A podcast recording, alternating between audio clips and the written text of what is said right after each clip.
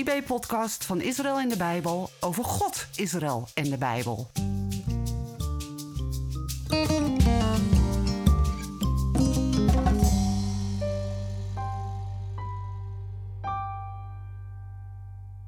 Vooral de laatste zin van het Urker volkslied, wie er is, die blijft er al, heeft voor veel mensen een bijzondere betekenis.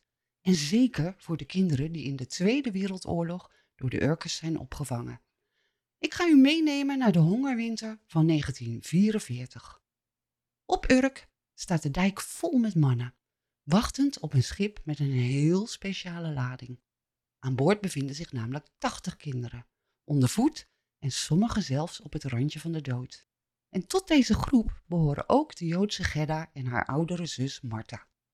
In het westen van Nederland is het dan echt afzien. Vandaag de dag kunnen we ons dat niet meer voorstellen, maar in die winter van 1944 was er nauwelijks eten en brandstof te krijgen. De Duitse bezetters hadden wel de zogenaamde winterhulp opgezet, maar die was zeker niet voor iedereen beschikbaar. Daarom werden veel kinderen uit het westen, de zogeheten bleekneusjes, per boot overgebracht naar Friesland, waar de situatie nog ietsje beter was. Men schat dat er zo'n 50.000 bleekneusjes naar de andere kant van het land zijn gebracht. Met hulp van kerken, het Rode Kruis en natuurlijk veel vrijwilligers vertrekt in november 44 vanuit Amsterdam het eerste kindertransport. Er is goed nagedacht over de vaarroute, de samenwerking verloopt meer dan soepel en veel kinderen bereiken dan ook het noorden. Het klinkt bijna idyllisch, maar de werkelijkheid is toch wel even iets anders. De boottochten vanuit het westen waren beproevingen, helse tochten. Dagenlang kregen de kinderen niets te eten en verbleven ze in het ijskoude laadruim. En als ze mazzel hadden, dan lag er onder in het vrachtschip een klein beetje stro om op te zitten en te slapen. Verder was er een klein beetje licht en een paar emmers voor de stoelgang. Onmisbaar, want veel kinderen hadden uitdeem en moesten voortdurend naar de wc. Zo'n reis duurde twee tot drie dagen. En dat kwam vooral omdat er alleen s'nachts maar een paar uurtjes gevaren kon worden. Niet alleen vanwege de Duitsers, maar ook omdat overdag het IJsselmeer door de Engelsen werd beschoten. Op een van die reizen vanuit Amsterdam kreeg men te horen dat Sneek onbereikbaar zou zijn. De haven was dichtgevroren en ze moesten uitwijken naar Urk. Natuurlijk had de Duitse bezetting ook dit vissersdorp niet onberoerd gelaten en was ook daar weinig eten, maar echte honger leed men niet op Urk. Er was altijd wel een visje, zelfs voor een onverwachte logé. Dus de wijk nemen naar Urk was een goede optie. Bijkomend voordeel was dat de Noordoostpolder toen nog niet was drooggemalen, waardoor Urk via land moeilijk bereikbaar was en je via het water de Duitsers van heel ver kon zien aankomen. Die bewuste nacht werden de Urkers ingelicht dat er dus een schip aankwam met kinderen die een bed nodig hadden. Een van de begeleiders zegt daarover later: In Sneek moesten we soms uren langs de deuren leuren om de kinderen kwijt te raken. Maar op Urk stond de hele dijk vol met mannen. En dat beeld is me altijd bijgebleven. Die hele lange rij Urkers op de dijk.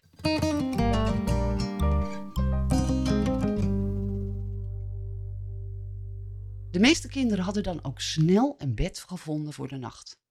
De meeste, ja, maar niet allemaal. En hier begint het wonderlijke en hartverscheurende verhaal van Gerda. Niemand wilde mij, vertelt ze zelf later, want ik was er slecht aan toe en ik zat onder de zweren. Na lang zoeken lukt het om ook voor haar een plekje te vinden. Het was op zich al heel ongebruikelijk dat Gerda überhaupt op het schip terecht was gekomen, want ze was al ziek en ze was nog maar anderhalf jaar oud. Heel klein dus. Vermoedelijk is ze gewoon met haar oudere zus Martha meegegaan. De volgende dag vertrekt de boot weer met alle kinderen. Nee, niet alle kinderen. De boot vertrekt zonder Gerda, want zij is namelijk echt te zwak en te ziek om verder te reizen. Gerda wordt liefdevol opgevangen door twee Urkers, Jan en Fem. Jan en Fem hebben zelf geen kinderen en eigenlijk hadden ze besloten om geen pleegkinderen meer in huis te nemen. Het steeds weer afscheid moeten nemen viel ze domweg gewoon te zwaar. Oh, maar dit kind mogen jullie houden hoor, werd tegen hen gezegd. Zou men toen al hebben geweten dat Gerda's moeder Joods was en gewoon niet terug werd verwacht? Zo blijft Gerda bij Jan en Fem op Urk. Ze is enorm geliefd, enorm gewenst en ze wordt met heel veel liefde opgevoed als hun eigen dochter. Maar de liefde van Jan en Fem voor de Heer Jezus is ook enorm groot. En ook zijn liefde geven ze door aan hun dochter. Gerda groeit op als een vrolijk en gelukkig kind. In een warm nest, omringd door familie en de mensen uit de hechte Urker gemeenschap. Ze is echt één van hen. En dan, ruim zes jaar na de oorlog, Gerda is dan acht jaar, is er bezoek voor haar. Er staan een wildvreemde meneer en mevrouw voor de deur. En ze zeggen dat ze Gerda's echte ouders zijn. De schok is enorm. En niet alleen voor Gerda, maar ook voor Jan en Fem. Want ze komen Gerda ophalen. Wat een drama en wat een verdriet. Jan en Fem hebben geen keuze. Er rest hen echt niets anders dan na al die jaren Gerda alsnog te moeten afstaan.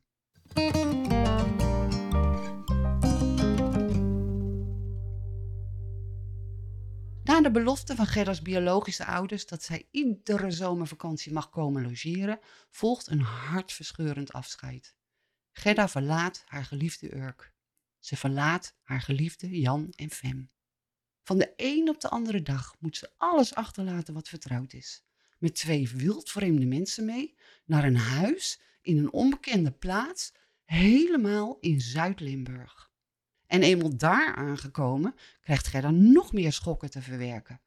Ze heeft ook nog, namelijk, twee oudere zussen en een broer.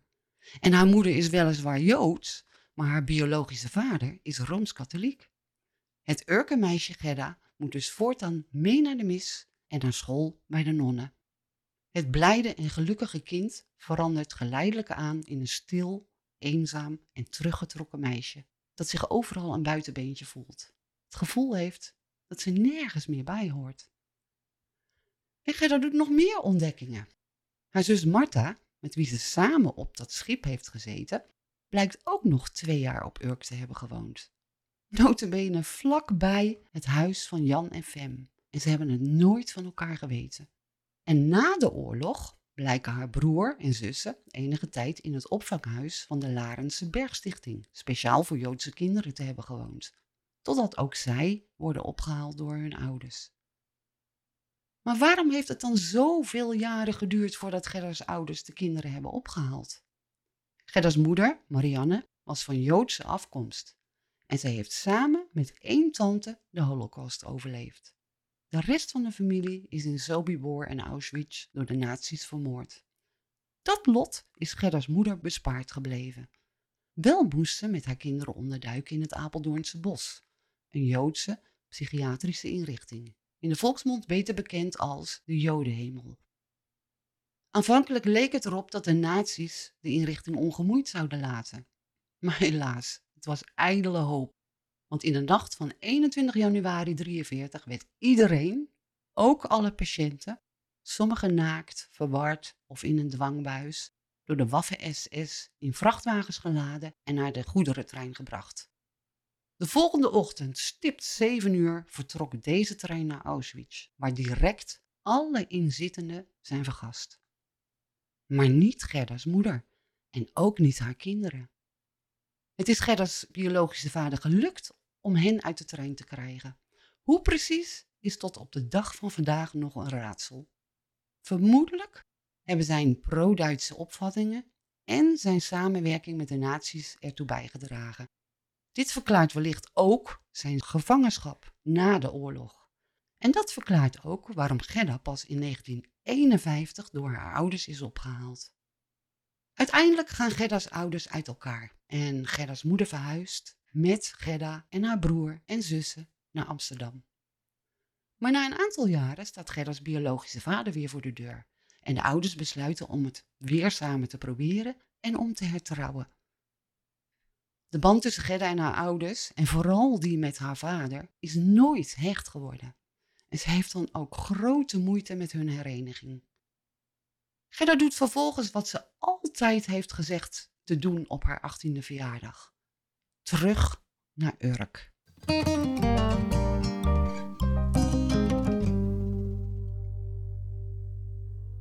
En eenmaal weer op Urk wordt ze wederom met open armen verwelkomd door Jan en Fem. En Gerda blijft de rest van haar leven op haar geliefde Urk wonen. Door de jaren heen heeft Gerda wel altijd contact gehouden met haar echte broer en zussen. Vandaag is Gerda zelf op hoge leeftijd en wordt ze omringd door een grote familie en een grote groep dierbaren.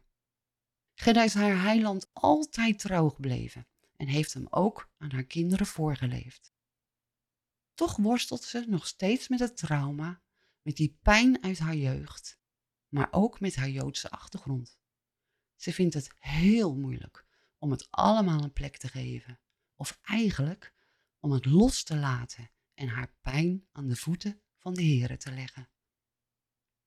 Gerda's indrukwekkende verhaal is aan ons verteld door haar kleindochter Gerdina. Gerdina is een gelovige met veel liefde voor het Joodse volk. Maar boven alles houdt kleindochter Gerdina van de Messias van Israël, de Heer Jezus. En het is haar grootste wens dat het evangelie verspreid wordt onder het Joodse volk. Wilt u weten hoe Gerdina zelf tot geloof is gekomen en wat haar Joods zijn voor haar betekent? Luister dan eens de IB-podcast Ik ben Joods en volgeling van Jezus uit januari 2021. Kleindochter Gerdina vond het belangrijk om het verhaal van haar oma te vertellen, opdat we nooit vergeten. Zeker in deze tijd waarin het antisemitisme, de jodenhaat, weer groeit, de ontkenning van de holocaust toeneemt en steeds meer gelovigen lijken te twijfelen aan de noodzaak om het Joodse volk te vertellen over Jezus Christus, over Yeshua HaMashiach. Dank u wel voor het luisteren.